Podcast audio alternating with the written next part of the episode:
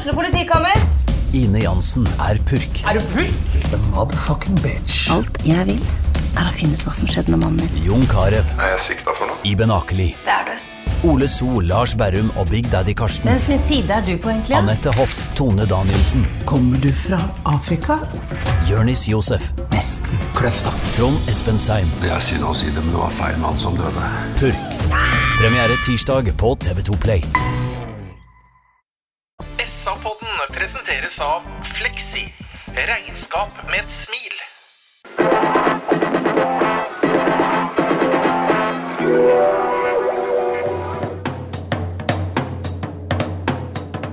Sarpsborg Arbeiderblad gir deg en ny episode av SA-podden med Sven René Nygård, Øystein Weber, Petter Kalnes og Bjørn Inge Bingen Nilsen.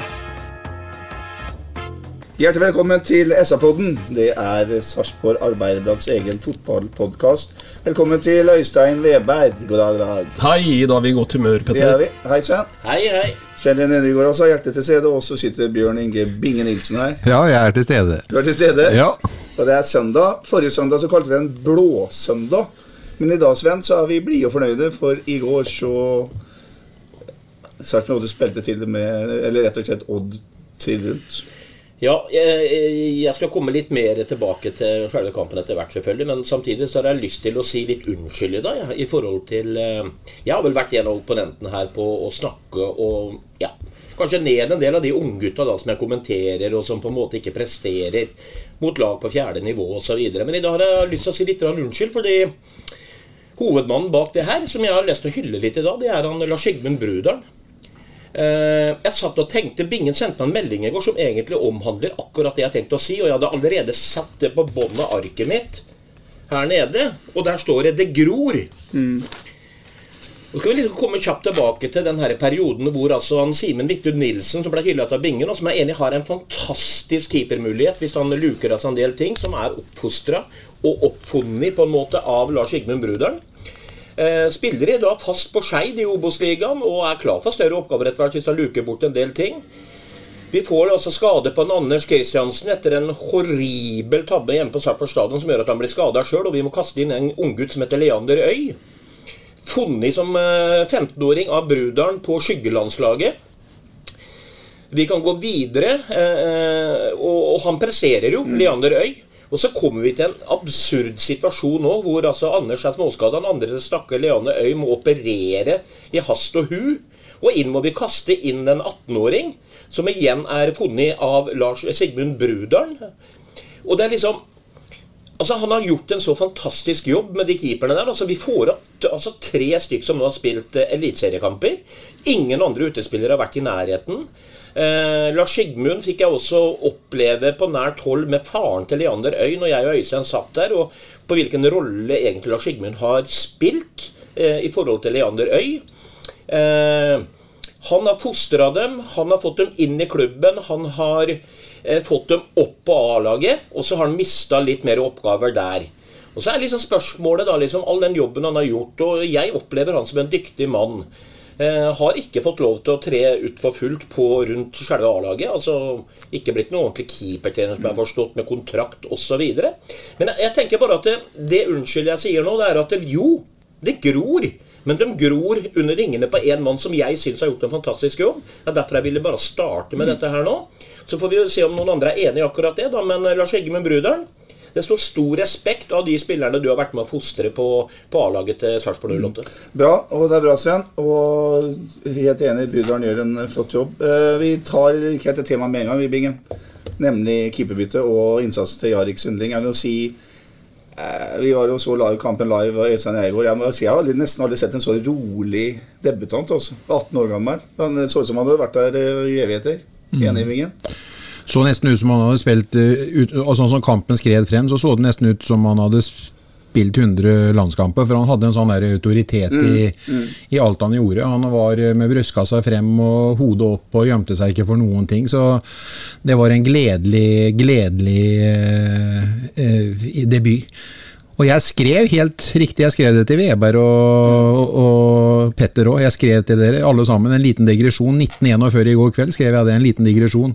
Den lokale som vi ønsker å identifisere oss med, altså Brudalen. Produserer keepere på samlebånd. Han finner råmateriale, utviklere, trenere. Men å få være med og videreutvikle, det er ikke lov. Nei. Så det, eh, det har vi jo snakka om før òg. Vi må ikke outsource alt. Gratulerer, Brudalen. Du gjør en fantastisk jobb. og Bare å se en, en ny keeper til som kommer opp og gjør den jobben i går, fantastisk bra. 18 år eh, og holder nullen i første debuten mot en kamp med en forferdelig rekke vi hadde bak seg. Det, det, det løsner helt, helt, helt nydelig. Jeg bare bryter inn, fordi at det er derfor jeg sa 15-åring. Er- Jeg vet at det er en 15-åring som skal stå på noe rekruttlag nå, eh, og som også er på vei opp eh, gjennom bruderen sine vinger, faktisk. Nei, jeg bare øh, applauderer det guttene sier, og så er jo bruderen en årumkall. Så det syns jeg i tillegg gjør at det er ekstra hyggelig å høre guttene hylle bruderen. Og jeg kjenner bruderen som hel ved, og sier som Bingen, sier som Sven, kjør på bruderen. Dette har du peiling på.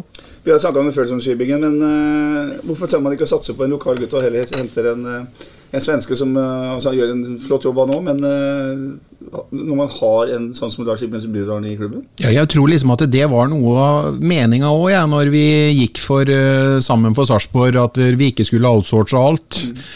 Vi har lokale krefter som kan fint gå inn og gjøre den samme jobben. og For meg så er det veldig rart da at dere ikke han uh, får lov til å ta steget ut og gjøre den jobben. Så har jeg sagt det. Men uh, på en sånn gledens dag som det er her, sånn, så bør vi ikke finne feil i dag. Men jeg, kan, jeg er veldig glad, for jeg tippa jo 4-0, og så ble det 3. Så det er jo, det, det er jo fantastisk hyggelig. Men eh, snakk litt mer om. Eh, Vi har jo snakka om at Leander Øy kanskje mangler litt når det gjelder størrelse. Fysisk altså litt kort. Sundling er jo en fin keepertype. Det er klart, alle som eh, ser dem to, skjønner jo at Sundling eh, jeg, jeg sier at begge to kommer til å bli gode keepere, men eh, i hvert fall større lag liker, liker høyder helt automatisk. De eliminerer bort dem som ikke har en viss høyde. Sundling er innafor. Sundling kommer til å bare fortsette å utvikle seg. Gutten er ung, men det er klart, når du begynner å produsere så mange keepere med et nivå inne, så er det på en måte eh, rart å ikke skulle forstå, da. Eh, for det kommer jo til å bli konsekvensen av det. Simen er i Skeid. Leandre Leander har operert blindtarmen nå, han skulle jo stått, og så dukker Sundling opp. Anders er småskada. Anders er jo den eldste som skal på en måte dra lasset videre og fortsatt være læremesteren til de guttene her. sånn. Eh, men eh, Sundling eh, var jo Når du ser han på en eliteseriearena som i går, så må jeg jo si det at han er rolig, med ballen i bena, kanskje litt for rolig. Det var jo en pasning helt i starten der sånn som strøk eh, foten til eh, en Odd-spiller.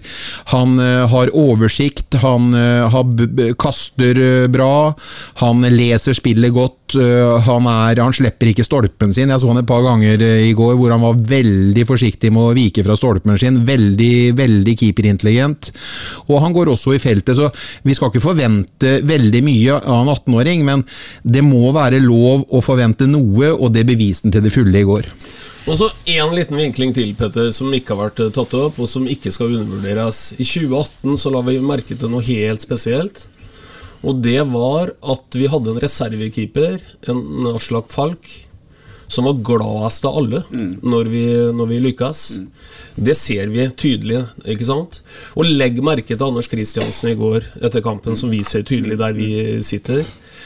Fantastisk, Anders Kristiansen, hvordan du opptrer etter kamp i forhold til en Sundling, og hvor vi ser på 100 meters avstand at du er fryktelig glad på hans vegne.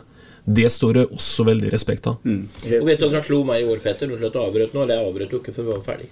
Eh, Det var liksom når du går ut av spillertunnelen, så ser du et glis og en latter og lår kameratene på ryggen som 18 år og han ut der. Og så var Bingen inne på det med Det, det jeg også la merke til i går, som jeg syns var bra, da Bingen, selv om du sier at du så en passing som strøk et bein, så var det sånn at han kunne legge det ned, spille ut til Utvik, Utvik tilbake. Hva gjorde han da? Nei, nå mm. strekker vi ikke strikken lenger. ja. Så klenker vi ut Ja. den ballen der. Ja, ja. Og det gjorde meg glad. At han ikke da skulle imponere med å slå en ut på venstrebekken og få tilbake igjen, og så liksom prøve å bygge ut bakfra. Da var nok nok. Opp med ballen. Det er fine vurderinger, rett og slett. Eh, laget er for øvrig det at uh, Sundling står i mål, altså. Erik Vikne tilbake som høyrebekk. Bjørn Inge Utvik, Anton Skipper stoppere. Joakim Soltvedt uh, venstrebekk. På midtbanen er det Jeppe Andersen og uh, Ulrik, uh, Viktor Torp. Høyrekant Niklas Sandberg, venstrekant Mikkel Maigård, dyp spiss Ramón Ramon Pascal Lundqvist og spydspiss Kristian Fardal Opseth. Vi tar litt om laget. Uh, han setter Casas, spanjolen, på benken Øystein, og velger å, å plukke inn Erik Vikne igjen. Ja, men det er riktig vurdering. Uh, Vikne er god. Vikne har fart. Vikne har mye. Og dette er, uh, dette er et uh, laguttak som jeg støtter hele uka. vi fleipa litt på turen. Vi, vi, har fortsatt på benken hva skal vi kalle det, Sarpsborgs Henning Talgoe. Han heter jo Talgø, men vi må si OE, for Henning var jo internasjonal. Lisleby og greier. Ja. Uh, nemlig Seknini. Ja. Uh, men han har vel kanskje ikke alle de minuttene Eller hele den kampen i, i bena ennå. Men at Sandberg kommer inn på kant, det er naturligvis en helt riktig, riktig vurdering. Og junior har også hatt litt uh, variabel form i det siste. Så det laguttaket her, som ble satt opp i går, det har ikke jeg én kommentar til av kritikk. Nei, for Du tok alle byttene jeg tenkte å snakke om, eller skiftene fra førerkamp. Men uh, hold deg viktene, Sven. Uh, igjen nå mener jeg at dette er et offensivt uh, en offensiv vurdering som gjør at han bruker han istedenfor Casas. da. For nå har jo Vikne det vi kan tro, i hvert fall, i og med at han satt ut av laget og må ha hatt noen, noen dårlige defensive tall å vise til. Ja, men så kan du jo bare kontre tilbake og si at vi har en fotballtrener som heter Billborn. Mm. Eh, og det bevisste jo Sarpsborg 08 til gangs i går. De skulle jo ut og eie kampen, dem. Og da er det om å eie dem med noen gode offensive spillere også, som kan komme rundt på kant. sånn som Vikne hadde en strålende kamp i går. Altså, Jeg har vel aldri sett det, òg. jeg har sett mange fotballkamper på Skagerrak Arena på TV 2 og andre kanaler, og sett Odd som et håpløst hjemmelag å slå omtrent. Uansett om de heter Rosenborg eller hvem det er. Odd vinner på Skagerrak Arena veldig ofte. Og I går så var de ikke i nærheten. Jeg hører han eh, kalte vi en poncho. Nei, hva het han? Paco. Paco. Du kalte det poncho? Ja, ja, ja. Paco han sa jo etter kampen i går at dette her, eh, at Sarpsborg er gode, men at det resultatet lyver. Og ja, kanskje lyver med et mål, men at det var en jevn kamp. Men det er, eh, Paco, det er ikke sant. Det var ikke noen jevn kamp over 90 minutter. Nei. Det var et fotballag som kjørte ball i hatt pga. offensiv innstilling. Mm. Og da så syns jeg Jeg så en del i organiseringa i går, ja da, Petter, i forhold til det vi prata om etter forrige pod. Eh, For til slutt så mister du ballen. Og der er godt kontringslag, men organiseringa med en Jeppe i går, blant annet, som var strålende i store perioder, eh, og hvordan de falt på hverandre. Torp som falt fort ned fra offensiv rolle. Så det var bedre organisert defensivt i går, i mine øyne, og mindre utsatt for eh, overganger. Ja. Eh, enig. Niklas Sandberg starta som høyrekant eh. Det var også, som Øystein sier, vel helt korrekt. Det var, det, var, eh, det var eh, korrekt, og han gjorde seg ikke bort. Og Guttene som har kommet, de trenger matcher i kroppen for at det blir en tøff høst. Det er ti-elleve kamper igjen, og de må få spille på seg De må få, de må få på kampformen. Og det gjør, gjør en bevisst, og det gjorde han jo i går. Vi skal ikke ta det og prate noe mer om han nå, men han gjorde jo det med både Siknini og Magnar i går. Veldig gledelig med Magnar. Ja, han, eh, Sandberg er også direkte involvert i begge to første måla. Så vi prater om Seknine, som jeg prater veldig varmt for sjøl. Som jeg vet er en fantastisk fotballspiller. Og det vi også prater om, er at hvis vi skal ha inn både Sandberg og en Seknini, så må jo Maigård har jo ikke vært helt på topp i det siste, har vi prata om. Ja, ja. Og så ser det konkurranseinstinktet, antakeligvis, for nå er det konkurranse om plassene. Og etter det i går så kan du jo liksom ikke ta ut Maigård på noen annen grunn enn at vi må spare den litt for et tett kampprogram eller et eller annet. Herregud, for en poengkall, altså. Ja, I går var det noe sånn han, eh, vi er vant til å se. Ja, og det har vi jo sagt mange ganger. Og bare for å understreke poenget til han, eh, Sven, for å liksom fylle på bitte lite grann metall i greiene vi driver med, så er det ikke noe jevn kamp i går på det som er sluttprodukt. Og vi snakker ofte om expected goals. Vi har tregangen av det, av det Odd eh, produserer. Så Paco syns jeg ofte er reflektert og har gode analyser, men hvis han sier at kampen i går var liksom jevn, så Paco, da må du titte på det en gang til. Han, han sa ikke noe gærent da i går, han, Nei, nei, han han, sa, han sa han, han Paco, det, rett skal være rett, han sa det at uh, han syntes at det var litt 3-0 var litt for stor uh, For stort i forhold til hva, hva, uh, hva kamp, hvordan kampen var, men han sa at Sarpsborg var et veldig godt lag, og det gjentok han to ganger, Sven. Ja da, men han sa også at det var en jevn fotballkamp. Jeg syns jo han er sympatisk. Ja, ja, men jeg altså. sier Det har jo vel jeg sagt. ja, jeg Ja, syns du er prøver å flekke etter han litt. Rann. Husk på han, husk på han Paco, han har følelser, han også. Jeg kan ikke snakke det folk. Ingen gjør aldri det. Ligger- Apropos snakke folk, Bjørn Inge Bingen Nilsen. Ja. Du har brukt mange minutter på å snakke om nummer åtte, Jeppe Andersen. ja, og i går I så går så var han strålende. Ja, og, det, og det vet dere at Ja, jeg syns ja òg, for jeg skrev til dere i går i første omgang at i dag er Jeppe Andersen god, Mm. skrev jeg. Og det var han.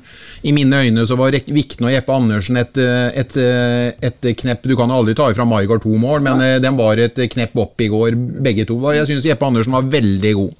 Virker kanskje som han trivdes eh, Stygt sagt, men eh, kanskje det er noe i at han tok mer ansvar uten, eh, uten sin faste makker eh, på, ved, ved sin side. Og Bingen er jo veldig presis. Han refererer jo hele tiden Vent litt, Sven, han refererer jo hele tida til meldinger han sender oss.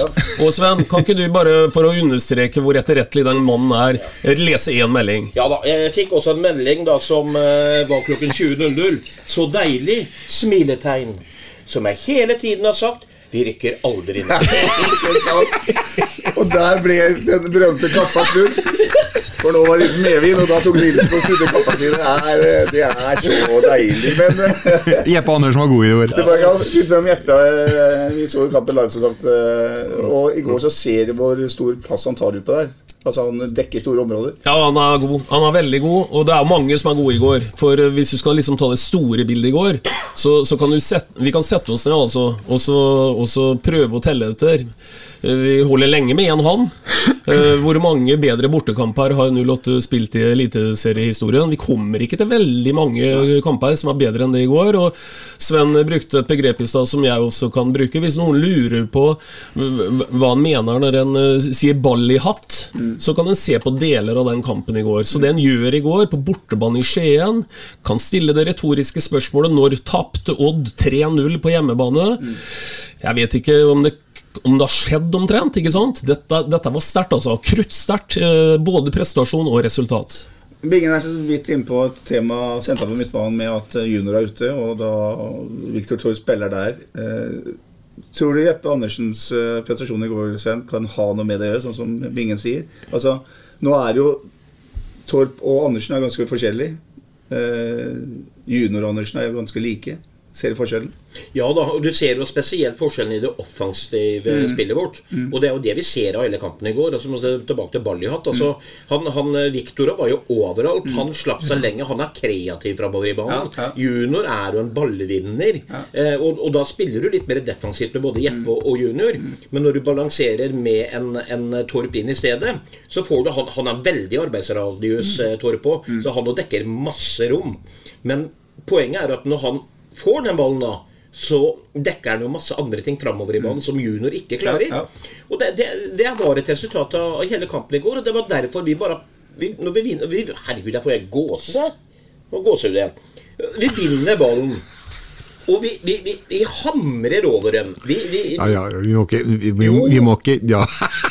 og kommer rundt Vi skal spille flere kamper i år, Ja, altså. ja, men vi må jo ta oss som i går. Vet du. akkurat leste opp meldinga på det her nå. Du må ikke rekke igjen- rekke ned snart. Nei. Eh, Men det, men det er klart at det altså en Viktor Torp som en av de to sentrale Det er jo klart at det blir offensiv skyts de luxe når du har de der entertainerne framover i banen i tillegg. Så hvordan skal du forholde deg som motstander, da? Altså Som forsvarsspiller i i midtbaneleddet eller en bakre firer. Altså, de kommer jo overalt, og det er presisjon, og det er Nei. Det er absolutt i hvert fall like bra som 3-0 på Lerkendal. Kan du være så snill å svare på spørsmålet jeg stiller? Ja? Arbeidsfordelinga mellom Jeppe Andersen og Viktor Torp. rollefordelinga er jo mye klarere nå. Ja. Ja, ja, selvfølgelig er han det. Og det er jo fordi at han ene stikker framover i banen litt mer, og de blir ikke liggende baktunge. Og når begge to har gått opp av junior og, og, og Jeppe før, så har de ikke rekt hjem igjen. ikke sant? Du ser at Jeppe var en mer balansert spiller i Ja, går. ja. Var mindre aktiv i det offensive.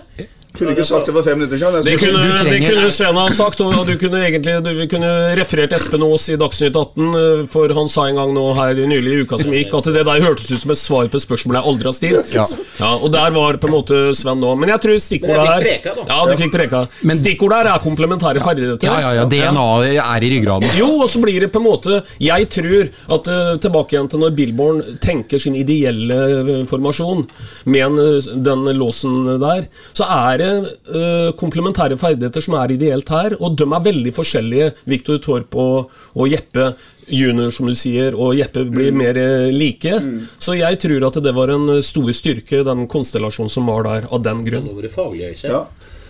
Veldig bra. Var det mye av det jeg sa for ti minutter siden? Ja, du, du, du sier de rette tingene, så tar guttene igjen. Vi lytter til deg, Det bra, Bingen. det er bra, det er bra, det er bra. Du også 4-0, så du har jo greie på dette her. Vi skal gå rett uh, litt på detaljene, men uh, vi tar det store bildet. Og det har vi jo allerede sagt. Det var et uh, bortelag som dominerte fra første stund. Sven, du har vel litt grann detaljer på arket ditt? Ja da, jeg, har, jeg er som vanlig, som Øystein sier, forberedt. Skal vi gå fort igjennom? Nei, Kan vi ikke egentlig si det som det er, Sven? For første gang har du med deg et ark som det står noe kruseduller på. Det har aldri skjedd før. Nei, nå har jeg med marken, men ellers har jeg det i huet. Ja. Nei, men Hva skal du ha med, Petter? Jeg skal svare på spørsmålet ditt. Det har skjedd mye her. 20. minutt. Ja, les et lite, lite glimt av noen eh, Så er. Sundling allerede i gang og gjør en eh, god involvering. Ni minutter. Sandberg skudd med høyre, som er et godt forsøk. Ti minutter. Skudd fra oppsett. Eh, hadde med Torp til høyre, burde ikke avslutta. Skulle bare rulle Ja, han videre ut. enig. Vel den. Løskrutt. Ja. Ja. 17 minutter, eh, så setter Torp eh, frisparket i mul. Det var et, en dårlig avslutning. 18 minutter, Sandberg skudd midt på keeper. 23 minutter, Sundling en glimrende benparade på innlegg. 23-30, Vikneskudd, god redning igjen av Bråtveit. 24 minutter, heading fra skipper, som eh, går i et hue og som kunne gått rett i mål. Og så videre og så videre. Så, eh, hvis ikke vi forstår at man har dominert den kampen her etter notatene til Mr. Nygaard, som for øvrig er veldig presise, så forstår ikke folk Nei, bra. Eh, og etter 38 minutter så kommer eh, den veldig fortjente 1-0-skåringen til Sarpsborg 8. 37-30 står det på. 37 ja, det er i 38. minutt, som det også heter. Der er eh, jo det som starter med en nydelig pasning fra Sandberg til Vikne, Vikne, som slår inn til en Maigård som eh, dunker den i mål Ja. via en eh, Odd-spiller. Et eh, flott fotballmål, Bingen. Voldsomt bra. voldsomt bra Og det er, eh, det er som jeg sier igjen, det er synd at ikke det er så mye hockey at det er tredje assist. For at eh, gjennomspillet er jo til, til Vikne som tar løpet utrolig godt. Og veldig bra av Vikne inn i feltet. Men det er tredje assist, vet du, for du blir hylla av bingen i poden. Og det er faktisk nesten Ja. viktigere Ja. enn at du Og så får heter formelle alle poeng. som vet litt om ishockey, heter andre assist. assist. Men, men en ting som ikke går ut på dato En ting som ikke går ut på dato, Sven, var jo et av postulatene til Nils Arne Mester Eggen. eh, 45 grader eh, ut igjen. Og det er jo det vi også ser der. Der er, det- der er det ofte ledig, eh, kontra det også på en måte eh, velge en litt annen, krappere vinkel. Så, så det er etter boka. Så lenge du klarer å passere førsteforsvarer her, sånn, så blir det blir, med pasningen så blir det farlig. Eh, Lundqvist sto bak Maigård, så sannsynligheten hadde vært eh, Eller var stor for at noen Ja. skulle treffe den og vært i feltet der. Ja. Og så har du hylla venstrebente Sandberg, eh, passingsfoten hans, eh, Sven. Den passingen han slår til Viktig der, er elegant. Han blir jo enda bedre når de han foran 0-2-målet, som vi kommer tilbake til. Ja, nei, han, han har en sånn en Han har litt sånn Bon Suba i seg, han Sandberg, ikke sant? Uten sammenligning for øvrig. Men ja, han er fotballintelligent. Han, er, han vekter pasningene sine. Du ser at det venstrebeinet Og det skuddet han hadde som jeg refererte til tidligere, det var jo med høyrebeinet, som er hans dårlige bein. Ja, Og ja. du ser når han treffer ballen i reprise der, så ser du at han har en sånn overrulling med rista der òg, som er god skuddteknikk. Så nei, dette blir spennende. Ja. Bra. Eh, annen omgang starter vel med at Odd får et mål annullert etter en var, eh, var inntreden. Eh, Husker vi den? Hva sier vi om den? Nei, den er grei, den, vet du. For den bare forutsetter vi at den er grei. Det er svart-hvitt, det der. For det er en offside-situasjon. Og når de sjekker den, og de sier til dommeren at den må vi ta en runde på, så har de målebåndet klart. Så det tror jeg ikke det er noe, noe Garantert ikke noe grunn til å tvile ved. For det, offside det tar de med den kameradekninga de har. Og det er jo ikke noe skjønn i sånne situasjoner. Nei. Det, er jo, det er jo hjelpemidler. Det er streker som går rett ned. Så det er jo ikke noe vits i å diskutere engang. Og vi satt ikke så langt fra Fossefallet, som før vi gjorde en flott jobb på Skagerrak Arena, Øystein. Men eh, selv etter at de har fått en var eh, eh, avgjørelse med seg, så roper man at de hater gi Ja. var. Ja, ja da, det fortsetter. Og det er jo for så vidt en viss logikk i det, da. For det kan jo ikke være sånn at eh, en elsker VAR hvis det går med, og så hater en VAR hvis det går imot. Så de er jo konsekvente i forhold til det. Men uh, det er jo et faktum at i går så er det eh, to hovedsituasjoner som, som blir sjekka, og de går denne gangen i vår favør, og takk for det. Ja. Det går ikke lenger enn til det 53. minutt, Sven, så er det klart for 2-0. Og da er det en, eh, en helt vakker pasning fra Sandberg til en Pascal som er i løp. Vi har etterlyst eh, bakrom, eller etterlyst eh, den type pasninger, gjennombruddspasninger. Og det der er, eh, den er følsom, den som står der. Den, den er så følsom, og du, du, når du ser den i repriser, så blir den bare mer og mer følsom. Men så må jeg bare hylle liksom Det som er enda mer følsomt da, det er jo den her Pascal, altså maken. For det første så går han Han er så fotballinne, så går ofte på det i løpet. Mm. Så hvis du har noen pasningsføtter foran deg der sånn, så vet han at han får den ballen. Og de, de løpene er så gode, men den chipen over keeper der Bare sånn deilig touch i ballen. For han vet at Mayo kommer stupende inn der. Det er, det er et fantastisk fotballmål, det også. Det er liksom, ikke bare det at vi gjør en god prestasjon i går, men jeg føler liksom at eh, sånn som par av de måla her, det er liksom dratt ut av en høy, høy klasse i tillegg. Da. Mm. Tror du Pascal skyter eh, vingen, eller slår han pasning? Eller legger han inn pasning til Margot? Jeg tror han slår pasning. Ja. Det er jo et eh, Det er et sånt gammelt Sovjet førsterekemål, det der. Øystein. Ja, det er helt klassemål. Og vi, vi har jo sagt dette tusen ganger, men jeg kan jo gjenta det en gang til. Uh, Maigård har sine begrensninger som fotballspiller, men han har en makeløs evne til å være der hvor eh, det viktigste i fotball skjer. Og jeg husker at da Maigård kom til byen, så hadde vi en statistikk på noe greier der. Eh, han havna litt ute i kulda i Strømsgodset. Det var litt utenomsportslige ting som gjorde det. Sånn vi i hvert fall tolka det.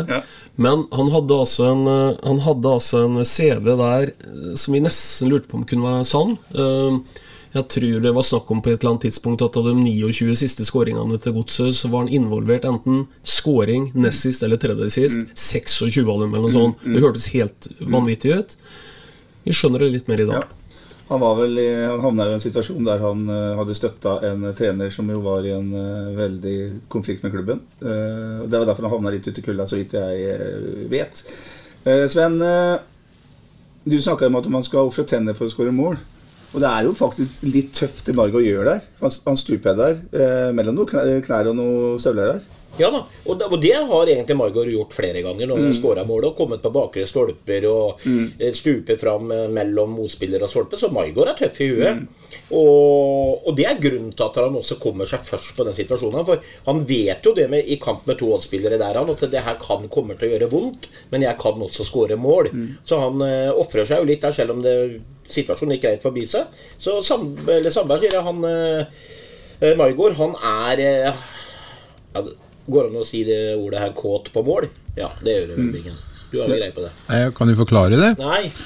Det er tre bokstaver. Nei, men han er jo, han er jo glad i å skåre mål. Han er glad i å eh, ha nest siste pasninger. Han er i mye situasjoner her under, så han eh, Nei. Ofra litt tenner, men tenna holdt, tror jeg. Ja. På stillingen 2-0 etter 59 minutter, altså bare 5-6 minutter etter skåringa, så gjør Billborn eh, to bytter. Han plukker av midtstopper Anton Skipper og setter inn på Magnar Ødegaard. Veldig hyggelig å se Magnar tilbake på banen. Og så bytter han ut av Sandberg med den nye mannen, altså Sarpsborg 8s Henning Talge, Rafik Seknini.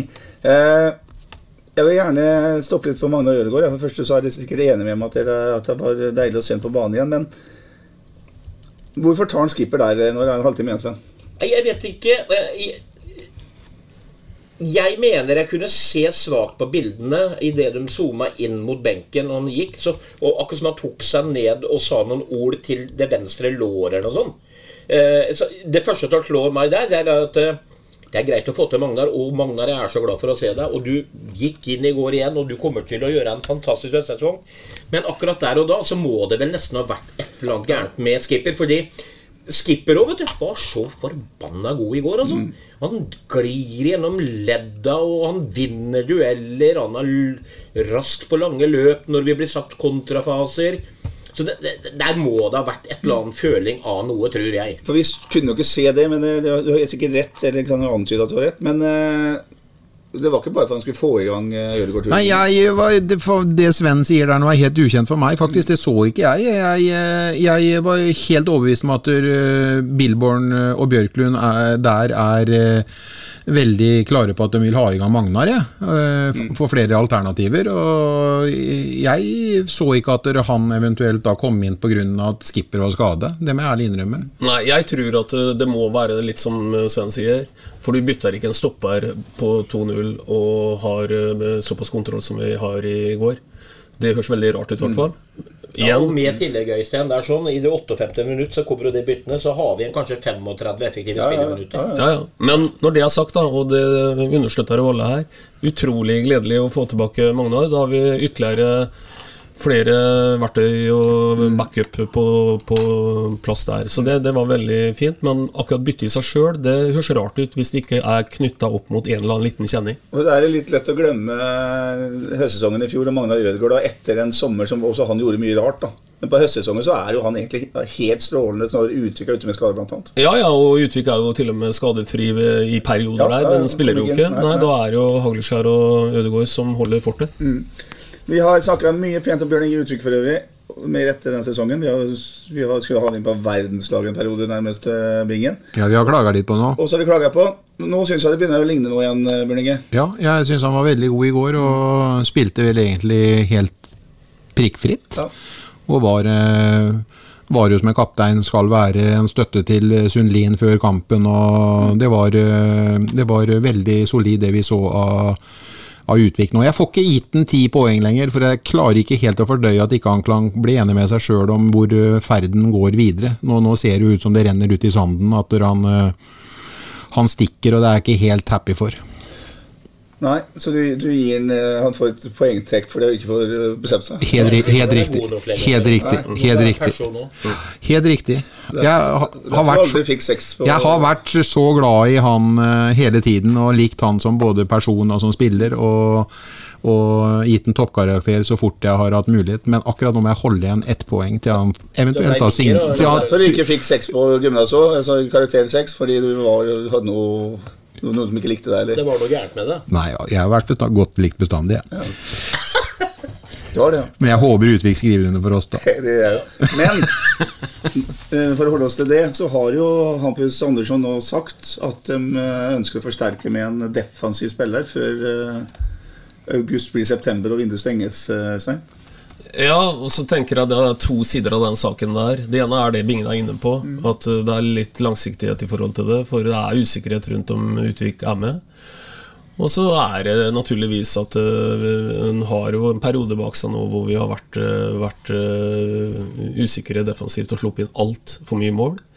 Heldigvis snudde mye av det i går. Jeg syns det er litt luksus. Jeg er litt mer der på å kalle det litt økonomi i dette. Hvis, eh, hvis eh, Skipper og Utvik fortsetter som i går, og vi i tillegg nå får en eh, friskmeldt Magnar Ødegaard som ellers er på Og vi skal heller ikke Det blir ganske useriøst å avskrive en Casas i den eh, diskusjonen ja, ja, ja, osv. ja, ja, ja. Så, så vet ikke jeg om, eh, om jeg ville brukt mye penger da, for å si det sånn, på å få inn en ytterligere stopper. For det er noe med at eh, vi skal midt oppi dette her drive en butikk òg. For uten at vi driver butikken godt nok, så har vi ikke noe å sitte her og snakke om. Så har dere ikke satt stopper han har sagt en defensiv spiller. Ja, ja, Det betyr jo Det jeg kan tenke, Sven, er at det eneste stedet man trenger i hvert fall backup er jo på venstrebekken. Der er jo, Når Solseth er ute, så er det jo ikke noen eh, naturlige arvtakere eller erstattere.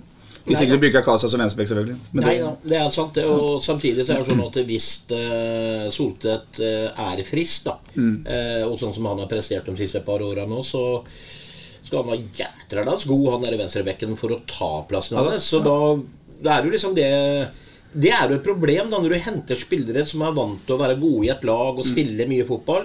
Kommer til et nytt lag og ikke får spille, så blir det misnøye. ikke Mm. sant? Ja. Eh, og det har noe med personligheter å gjøre. Så enten så må du hente en du har tro på for framtida, Mm. eller så må du hente en som på en måte er så god at du går og konkurrerer ut av dem som allerede er gode. Ja, og så er det på det bingen, temaet til Bingen også at uh, Utvik ikke skriver på kontrakt. Vikten har også utgående kontrakt. Og også man har jo nettopp avsluttet et bud på han, så klart at det kan skje noe der. Og Maigård har eh, har Jeg ser, jeg ser den der forsvars at du skal hente en defensiv skråsett forsvarsspiller. Jeg ser liksom den uttalelsen der som at en av dem skal ut. Ja, ikke sant? Sånn jeg ja, de tenker sånn. Ja. Eh, det var et stor dominans av bortelaget før pause, og det fortsetter jo i annen omgang. Det er jo Vi har jo ofte snakka om at det varierer i kampene. At eh, det har noen sånne høye fjell og, dype daler. Men eh, det var jevnt bra prestasjoner i går, syns jeg. Ja, og jeg, eh, når andre annen gang begynte, så hadde jeg en sånn der bange anelse om at dette, nå, nå har vi spilt så underholdende fotball igjen. Vi leder 1-0, og vi spiller på Skagerrak Arena mot et Odd som pleier å komme rett i fleisen på deg. ikke sant? At nå håper jeg ikke vi blir for feige da, og får kjørt hvert for mye. Men vi går jo rett i gang igjen, da. På, på en måte prøve å eie denne her fotballkampen. Og vi får jo betalt for det, men uh, nå kommer jo den annulleringa da, men en gang annen omgang har begynt. Og, og den er riktig i mine øyne. Så jeg skrev jo også, Den gangen her klager sikkert ikke Fjell heller, Raymond. Altså. For det her var eh, det. Men, men når du ser reprisa der, så forstår jeg at eh, Sundling får kjempetrøbbel. For eh, der kommer han Hagen inn med et halvveis strekt bein. Uten at det er Det er- er jeg på andre målet igjen, eller? Ja, jeg tror du er på feil mål. Det første er en offside. Første Ferdig offside. snakka. Ja, det første er en offside. Ja, men Hopp til den, eh, det andre annullerte målet men som du snakker om, Odd, eh, Sven. Da er det fem minutter igjen. Fem minutter igjen, og Odd, eh, Odd får en, en scoring som blir annullert etter VAR, og det etter angrep på keeper. Jeg kan ta det, ja. Ja, ja. Men det, jeg syns det er helt greit, det, fordi at dere, som vi snakka om før. Jeg, fordi at Når Sundling kommer der, så har jo han sidene utover og ser hva klimaet rundt seg er på vei ned mot ballen. Og så kommer han da med det ganske strekte beinet. Eh, og, da, og det forstyrrer ekstremt mye, for det, er, det kan kalles farlig spill for noen. da. Samtidig så må jeg si det at det, det ligger jo i, i, i at situasjonen blir som den blir. Men det er klart at eh, Hagen føler seg jo litt snytt der, som i tillegg får dratt opp et gult kort. da i den situasjonen. Så, men jeg syns det er greit, ja, for det gjør det vanskelig for keeper. og Det, det er som å forstyrre når du ligger offside-plassert og er i ballbaner eller hva det er for noe. Hvor en dømmer på det, så syns jeg det er greit. Enig med Ja, jeg er enig. Altså, jeg syns det kanskje var litt tøft ja, at han skulle få gult kort, men det er jo sånn reglene, reglene er. Men han, øh, når jeg så det i reprise, så ble jeg veldig glad for at vi hadde VAR øh, der. For han huka faktisk knottene i, i, i, i armen, eller armene på Sundling, så han ble helt klart hindra i å få et godt grep om ballen. Han øh, Hagen sier etter kampen at han øh, ble døtta i Utvik, og for så vidt så var det vel kamp om posisjoneringa der, sånn, og det er helt riktig at den kommer i litt ekstra fart inn i den, men når knottene kommer inn i armen på Sundling, eller i kroppen på Sundling, så er det jo annullering, og, det, og det, den tar jo VAR. da. Der er jo nesten ikke så viktig om man treffer Sundling en gang, for den, den knottene der er eh, det, det er en forseelse likevel. Ja, det blir jo litt som guttene sier, at du, du, du får jo ikke optimale arbeidsbetingelser. Det er jo farefullt her, og, og du må på en måte hensynta at, øh, at øh, det skjer det som skjer. Så jeg jo tror at det er riktig. Og øh, da skal vi også huske på én ting, at nå hadde vi forrige gang en straffesituasjon som vi ikke engang gadd å se på. Her får altså dommeren først på øret at VAR-rommet sier at den her bør du titte på en gang til. Han går ut på skjerm, ser den en gang til. Da har altså VAR-rommet konkludert med at det er en straffeforseelse. Og dommeren ser det en gang til og kommer til den konklusjonen. Da syns jeg at vi Og bare lar den ligge. Dere var på tribunen. Jeg, Sven og jeg så det jo på TV-en, og den VAR-situasjonen der VAR hadde gjort det veldig enkelt for den For når han kommer bort til skjermen da, så var det ikke noe annet enn episoden med knottene fra en halvmeter før de gikk inn i kroppen på ham. Det var, det var alt han, de hadde spilt opp for ham, var der saken lå. Det var ikke noe i forkant med knivinga med Utvik. Ingenting. Det var benet inn, i kroppen med, med knottene, som, vi, som han visste, da. Så Derfor er det litt greit òg, for vi, det peses jo på og mot VAR på alle fronter. Fra tribuner, fra oss eh, såkalte eksperter osv. Men her fungerer VAR på et bra, bra nivå, i mine øyne. Ja.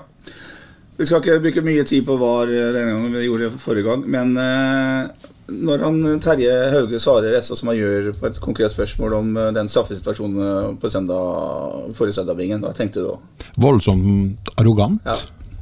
Det er ikke annet ord å bruke. Nei, jeg jo syns det. Eh, Jeg syns det er helt, egentlig helt utrolig at, eh, at det går an å så, å så opptre ja, så arrogant i en situasjon som i hvert fall ikke er eh, eh, svart-hvitt i den forstand at det er, ikke, det er ikke sånn at det er noen to streker under et svar. Så, så litt, mer, litt mer søkende, litt mer åpen for at det her kan være tatt en feil beslutning, det syns jeg en kunne forvente. Og så er det jo god ledelse å ikke sage medarbeidere offentlig. Det, det tar jo på bakrommet, du tar det direkte, men utad så er det, skal du ikke kritisere medarbeider. Men her blir det jo litt annerledes. altså Det er en åpenbar feil. Og han, han må kunne ordlegge seg på en måte som gjør at, eh, at dommeren ikke blir uh, halshugde, men at her må man innrømme at dette her er ikke riktig. Nei da, og, og, og det er jo riktig som du sier på sånn generelt grunnlag at uh, når jeg er forbanna på bingen, og det er jeg ofte, så tar vi det utafor poden. Ja. Men, uh, men, uh, men det blir jo nesten en parodi. Hvis det blir sånn at du liksom skal verne medarbeideren på den måten. Det er jo at det alltid er riktig, det som blir gjort. Det, det blir ikke troverdig, det. Nei, jeg er jo fraviker det prinsippet når det gjelder det. For når jeg er ute og, og en sier til meg fy faen om, om søndagen sa, sa Sven mye rart, så sier jeg ja, jeg er helt enig med deg, sier jeg. Ja, ja, ja, det er, Det er greit, det, sånn. Ja, ja, ja, det er greit. Men jeg bare kjapt innpå det. det jeg sa det forrige gang, det som irriterer meg med den situasjonen vi var i nå, det er liksom som bekymrer meg, da. Det er at det er en dommer, i mine øyne, som har en dårlig fotballforståelse, som ser det. Og så har du også tre varefolk som har en dårlig fotballforståelse i den situasjonen. Og det bekymrer meg, for da er det jo vanskelig for VAR til å, å, å gå opp hvis det dommerne eh, har dårlig fotballforståelse. Tenk, nå tenker du på forrige helg, eller? Ja, ja. ja, På Terje Hauge? Ja. Og, og det Det er bekymrer meg med VAR. fordi at Hvis ikke dem som sitter der som skal lese de situasjonene, har god nok fotballforståelse, eller har spilt fotball på bra nivå sjøl, så blir det vanskelig. Du kan ikke lese deg til fram eh, til hvordan en frispark skal se ut. Du må ha opplevd det og ha sett det mange ganger. Ja. Bingens gamle lærer og min gamle fotballtrener han sa alltid at å lede 2-0 det var livsfarlig. Harald Stenshorne Bingen. Uh, her kunne jo På 1-2 så kunne det blitt uh, fyr i, i Odd-laget, men heldigvis så, så ble det ikke sånn. Nei da. Og vi, vi tar egentlig tak i Jeg føler det aldri trua utover en annen gang enn egentlig, syns jeg, da. Jeg syns vi er så gode og holder mye ballen. Tida går.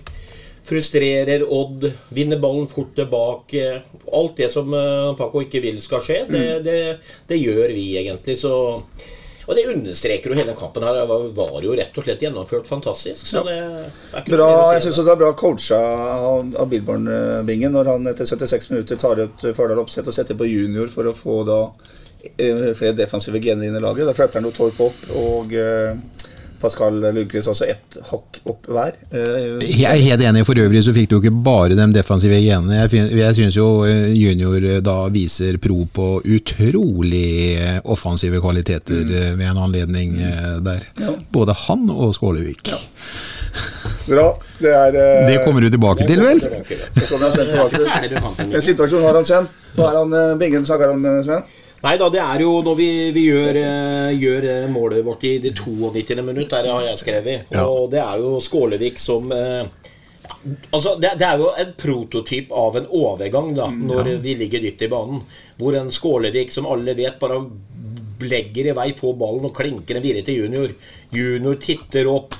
Og klarer å slå en utrolig vektig pasning over til han Meister, vår nye danske venn der. da. Ja. Som for øvrig Altså, Måten han setter det med venstrebeinet på, det er jo så kult. Det er jo liksom ikke noe Nei, vet du hva, Det er et fantastisk fotballmål. Og så tenk så deilig å få i gang han dansken så tidlig. Ja. Han kan bli livsfarlig utover.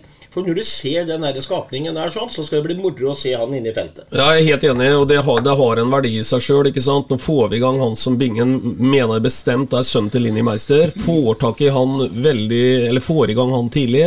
Og alle vet, alle vet jo viktigheten av det, at en spiss skårer mål. Så de minuttene der de var gull verdt for våre nye danske unge venn. Og så bare understreker jeg at vi selvfølgelig hadde helt rett da, han, da vi mente at han skulle vært kasta inn på i forrige kamp. Ja, ja, ja. Ja, ja. Og jeg tror han kommer til å få mange innhopp, eh, innhopp eh, Ja. utover. Kan være en fin sånn eh, joker. Ja, Veldig bra. Eh, Dette er ender 3-0. En strålende fotballkamp. Det er godt humør. Jeg kan fortelle en historie om Skagerrak Arena og Sven René Nygaard. Husker du den, Sven? Når vi var der borte Erik Holtan som gjorde mål, eller?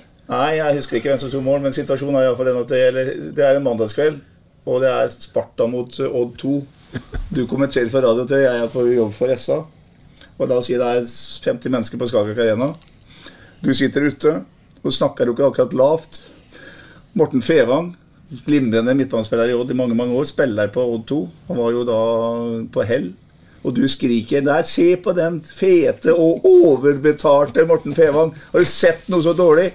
Daniel Lubinelski dreper den eller noe sånt. Ja, men det, det stemmer. Det, du, nå Og husker da jeg det. snur Dag Eide Fagermo seg og bare peker på deg. Da var det livet i luken der, så ja. Men vi hadde en annen, skjønner derfor jeg nevnte Erik Holtan. For hvis du hører på Erik, så er det med humor, og du har tatt opp med meg før. Men jeg husker Ronald Turner. Han eh, kommer alene med Erik Holtland, tar en kroppsfinte og holdt han rett ned på den feite ræva si, sa jeg, litt noe sånt. Da. Og rulla han i åpent mål.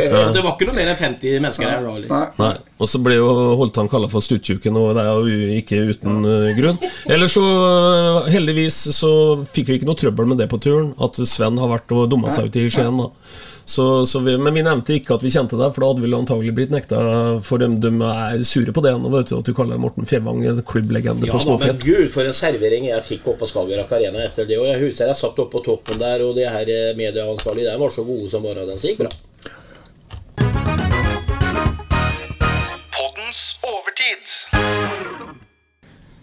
Denne uka har det blitt kjent at uh, Borregaard forlenger sin avtale med Sarpsborg 08 Øystein Weber. De ikke bare forlenger den, men også høyner uh, beløpet de støtter fotballklubben med. Det betyr at uh, Borregaard har vært en støttepilar, støttespiller for fotballen, toppfotballen i Sarpsborg siden SFK ble stifta av uh, Borregaards ingeniører eh, og Borregaard-ansatte i år 1903. Det er en eh, Hvis vi starter med den historia der, det er formidabelt. det, Ja, det er formidabelt, og det er viktig for 08, og det er viktig for Borregaard. Jeg vil si det begge veier. Altså, det er jo alltid sånn, helt sikkert, at, eh, at begge ser eh, viktigheten av det. Borregaard er ikke inne med noe astronomiske eh, beløp, men man er en solid eh, sponsor. Jeg tipper at de bidrar med i overkant av 10% av det totale markedsføringsbudsjettet, eh, altså sponsorbudsjettet til, til Sarpsborg. Um, Borregaard er jo tydelig på å fortelle at vi støtter ikke Sarpsborg i forhold til å selge mer produkter. Det er ikke liksom den eh, inngangen på det. Nei, det gjør dere ikke, Borregaard, men lav det ikke til noe mer veldedighet enn at dere har nytte av det. For dere er avhengig av de skarpeste hodene på på deres forskningsavdeling og hva det måtte være i Sarpsborg. Og når dere skal rekruttere arbeidskraft til byen, så er det veldig viktig hva som skjer utover 9 til 4 eller 8 til 4 på jobb, nemlig hva har byen ellers å by på. Og det å ha et eliteserielag i byen, det er altså det viktigste en by kan ha, det. Så, så hardt tror jeg vi kan si det, av sånne ikke-jobbslige aktiviteter. Så Borregaard har sett det, og all ære til det. Det er veldig veldig viktig for Borregaarden at uh, Sarpsborg 08 er der, og det er veldig veldig viktig for Sarpsborg 08 at Borregaarden er til stede. Du sier ca. 10% Det betyr vel at eh, du antyder at det er eh, drøye 3 millioner kroner i året det gir? Er ikke det vi Ja, det er jo ting dere har spekulert på. Nå sa de jo at det var en forbedra avtale, så kanskje de bidrar med fire, ikke vet jeg, i året. Men det vi vet, det er at i år så har 08 budsjettert med 33 millioner i i rene sponsorinntekter uten sånn barteravtaler og tjenestebutikk og sånn. Og da er vi sånn på en 10-11-12% antagelig av det. Det bidrar uh, Borregaard med. Og så er det en faktor til, og det er kanskje viktig, for en kan alltid mene om gir Borregaard nok, eller skulle en gitt mer, og sånn. Men det er en styrke, tror jeg, for 08 at den er på en måte litt sånn en er uh, Fundamentet sånn inntektsmessig er fordelt på veldig veldig mange sponsorer. Egentlig utrolig mange sponsorer. Det er ikke lenge siden den hadde litt søkelys på det òg. Og det er, det er ganske viktig. Vi, vi, vi kjenner klubber som er mye mer avhengig av enkeltaktører enn det Sarpsborg er. Så, så, det å ha en sponsor er vel og bra. Er den stor, er det kanskje kjempebra, men det er noe sårbarhet i det òg. Og det er at hun blir veldig avhengig av en enkelt bedrift. Sarpsborg 08 har rigga seg annerledes. Øystein sier her, Bingen, er jo at det er mange, mange små og mellomstore sponsorer i tillegg til noen store. Og det at uh, Man antyder vel at uh, Sarpsborg har nærmere 300 enkelte uh, sponsorer. Sparta har iallfall et par hundre, dem òg. Det at du sprer den uh, Du kaller det inntektene da, på, på mange mennesker. Det, det må jo føre til også at det er mange som har fått eierforhold til, uh, til klubben og til samarbeidet. Ja, det er klart, og det er jo veldig viktig. Du er jo mye mindre sårbar enn f.eks. som du har tatt opp tidligere, Øystein, med Vålerenga og Trøim. Og når Bakke da blir nyansatt trener og tror at alt eh, skal gro inn i himmelen, så gjør hun jo ikke det. Og da han forteller at han skal ikke rapportere til eh, Trøim, så setter han jo klubben litt sånn sjakkmatt, da. I og med at da sier han ok, da får dere klare dere sjøl fra 2026. Så eh, det kommer jo ikke til å skje med 08. Vi er, vi er trygt forankra hos mange små, og det er veldig gledelig både i medgang og motgang. Vi vet ikke helt summene, men oss si at det er et sted mellom 3,5 La oss si det 3,5 til 4 millioner i året da, som Borregaard gir. En bedrift som har en uh, omsetning på 5 milliarder kroner vel, i året. Syns du uh, de kunne vært enda mer rause og lagt litt, enda litt mer penger i potten? Når du snakker om sånne tall som det er, så selvfølgelig så kunne de vært det. Eh, Men det er jo en gang sånn at de har jo brukt mye penger opp gjennom tida uansett, og hjulpet jeg, jeg og Bingen hadde jo Borregaard på brøstet når vi spilte i SFK, og det er ganske lenge siden. Det er da spiller Harvard-sjampion også. så- Ja da, og, og vi, var, vi var jo stolte av den der svære stripa som var eh, skrudd fast på brystet vårt. Hadde en, fø en føling av at Borregaard det liksom, det tilhørte klubben på en måte. da.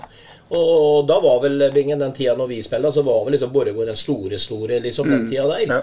Og jeg tenker det som Øystein har vært inne på det, altså, ok, Om beløpene ikke er astronomiske i forhold til hva- de er gode for, så, så er de der til enhver tid. Og det er jo den tryggheten som begge har snakket om. Den vil bestandig ligge der. De kommer ikke plutselig om fem år til å si at nå gidder vi ikke noe mer, liksom. De kommer til å være med oss videre. Og, og det, det, det kan gutta sette ned på arket sitt når det begynner en ny sesong og nye planlegginger. Da har vi de millionene inne. Så ære være Borregaard, tenker jeg, opp gjennom alle de åra. Og vi som har skrevet litt Sarpsborg 08-historie, Øystein, vi vet jo det at eh, et av de viktigste sitatene, eller uttalelsene som har kommet til dette samarbeidets historie, er jo da Dag Arthur Aasbø sier at eh, pengene, altså Borregaards penger, de følger samarbeidet. Ja da, der var de en veldig viktig katalysator for alt det der. For alle vet, hvis en går litt i dybden på, på øh, vår øh, gullkanta historie, egentlig de siste 20 åra, at det har naturligvis vært, vært både skjær i sjøen og sånn, og sånn må det nødvendigvis være. Da er det veldig viktig at, at Borregaard er tydelig på det de er tydelige på, nemlig at øh, samarbeid er stikkordet. Så de har hatt en utrolig viktig rolle. Eh, som du sier, egentlig langt over 100 år. Og, og det, er, eh, det er flott. Eh, Og de kommer ikke, som Sven sier, til å bestemme seg for å eh, gi seg. Jeg har en liten kommentar til Bingen og Trøim. Jeg syns jo Trøim viser et svært fotballhjerte ja, nå, i Vålerenga, bare for å ha sagt det. Nå vet ikke jeg åssen avtale han har, og så videre, men det at han gir Jeg tror det er til og med 2028-bingen som han skal ut. Ja, ok, 2028. Ja, ja, ja. Det at han gir dem fem år på voksenopplæring der inne, Ja. på at dere må greie dere sjøl, gutter, men nå får dere fem år på å Men det øve. kom vel som en konsekvens? Var Jo, jo, det, det, det vet jeg ikke, men, men han kunne sikkert uh, ha sagt ha det bra i dag. Og da setter han jo dem i en helt umulig situasjon, Ja, ikke ja, sant? ja. Så, så det Trøim gjør der, med å så gi dem en myk landing, da, eller kall det hva du vil, eller be dem gå noe brevkurs i økonomistyring, for det trenger de jo virkelig på alle, for de har jo aldri greit å dreve noen fornuftig butikk.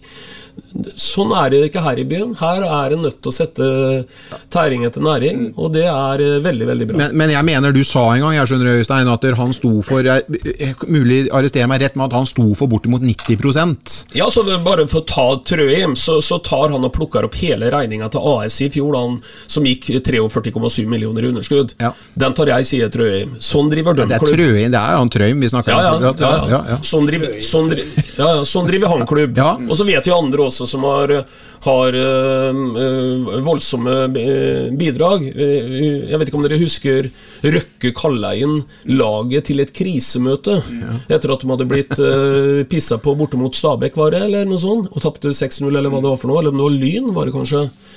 Ikke sant? Der er det litt sånn øh, Der er det mye rart, altså. Ikke sant? Vi, driver ikke butikk på den måten der. Vi har seriøse folk som støtter øh, klubben, og Borregaard er en av dem. Og det er mange som bidrar i dette her, og det er veldig bra. Og da er den forutsigbarheten der viktigere enn at eh, noen kan hevne at, at gjerne skulle hatt enda mer penger. Ja, du kan alltid hevde at, at en skulle hatt eh, enda mer. Jeg kunne godt tenkt seg at, eh, at de hadde vært eh, enda mer offensive. Og hadde Borregaard sagt at vi vil eh, bidra med enda mer, så er det ingen som hadde takka nei til det.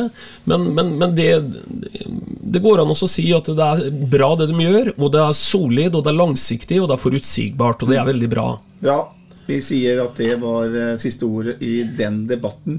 Bra jobba av både Borgård og markedsavdelingen i Sarpsborg her, som får til en ny avtale. Åssen gikk tippinga, Øystein?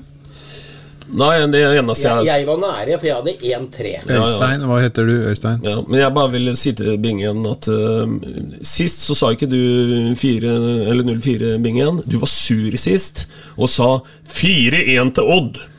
Det var det han sa. Så Da får jeg vel bite i det sure eplet og si at jeg sa det da. selv, eh, Jeg må innrømme det. Jeg er glad dere ikke Jeg prøvde å ta tjura ved Eller hva heter det? Tyra ved hornet. Ja.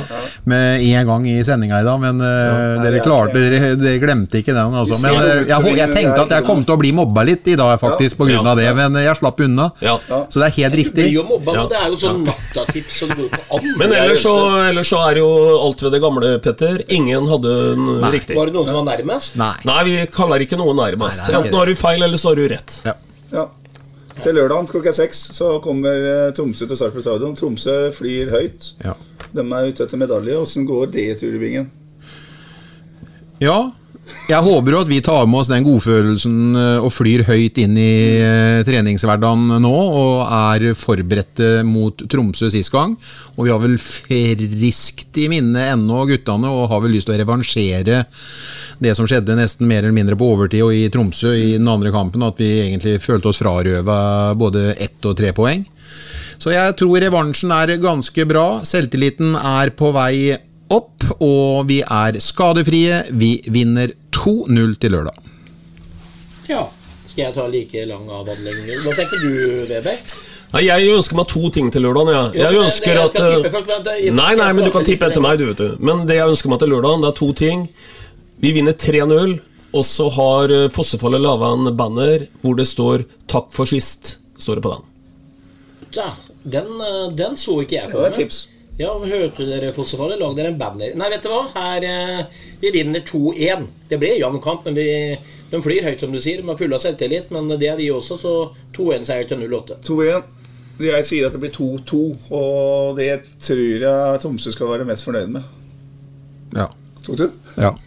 Jeg, eh, Du var så negativ. Du pleier jo liksom å ha 5-1. Ja, men eh, jeg, jeg, har, jeg er realist, jeg har peiling, jeg, vet du. Ja, du Dere bare ja. tipper. Jeg Jeg nå, ikke huet. Lyst til å si Takk for sist. At det å stå i nærheten Eller være på fotballkamp med den gjengen som var fra Sarpsborg i Kine i går, Skien som det heter, det var morsomt. Ja, veldig morsomt og, og ordentlig trøkk og, og Bare for å ha sagt det òg, da. Vi kan innimellom være litt kritiske, Bingen, til at det ikke kommer mer enn 4-2 og hva det er på, på stadion. Ja. Men, eh, men eh, vi har ikke det største problemet. Altså, det var glissent i Skien i går. Eh, Vi nevnte Tromsø i stad. De har vel, selv om de ligger der de ligger, opplevd totallet eh, ikke sant? på, på hjemmekamp her. Så, så, men, men det var veldig moro, og det var altså ikke mer mennesker i Skien enn at bortesupporterne lot seg høre, og det regner jeg med dere fikk. ja vi så dere òg, vi. Ja, Eh, ja. Du hadde på deg slalåmbriller. Og... Ja, jeg gikk med sånne raske, de raskeste brillene jeg Ja, hadde. det så jeg. Pannebånd og slalåmbriller på sånn rødt, Zooma dem ja, deg inn på. Pannebånd. Så, Så ikke så mye på kampen heller. Nei, nei. Og Men jeg, vet jo jeg, mange som var der i går, Øystein? jeg ligna på John McEnroe, sa Petter. 4300. 4384 mennesker var inne på portene i går. Ja. Så du, si aldri at jeg ikke er forberedt lenger. Nei, Nei. kan vi la det være siste ord? Jeg tror vi skal uh, si at det var siste ord. Og så skal vi ønske alle en fin arbeidsuke. Gratulerer med seieren og Nydelig. god uke. Bra jobba begge, eller alle tre. Veberg, Sven René Nygaard og Bingen Nilsen. Prekes. Vi prekes. Prekes. SA-podden presenteres av Fleksi. Regnskap med et smil. Ukens annonsør er HelloFresh. HelloFresh er verdens ledende matkasseleverandør og kan være redningen i en travel hverdag. Mange av oss har nok vandret i butikken både sultne og uten en plan for middagen, som ender med at vi går for de samme kjedelige rettene gang på gang. Middag burde være dagens høydepunkt. Som Hello Fresh kan du nå velge mellom 25 ulike retter hver eneste uke, eller få Hello Fresh til å sette sammen menyen for deg. Dette gir deg muligheten til å prøve nye og spennende retter alene eller sammen med familien. Du velger antall porsjoner og får alt levert på døren på et tidspunkt som passer for deg. Oppskriftene er enkle, og maten er lett å lage både for store og for små. Ved å få alt levert hjem får du også mer tid til å dele matgleden med familie og venner. Kanskje det frister med asiatiske tacos eller greskinspirert kylling? Da kan jeg anbefale deg om å gå inn på hellofresh.no. Her kan du bruke koden FOTBALL og få opptil 1779 kroner i rabatt på de første fem matkastene hvis du ikke har prøvd Hello Fresh tidligere. Du kan også bruke rabatten hvis du har vært kunde og stoppet abonnementet ditt for tolv måneder siden eller lengre. Gå inn på hellofresh.no og bruk koden FOTBALL. Har du et enkeltpersonforetak eller en liten bedrift? Da er du sikkert lei av å høre meg snakke om hvor enkelt det er med kvitteringer og bilag i fiken, så vi eh, gir oss her, vi. Fordi vi liker enkelt. Fiken superenkelt regnskap.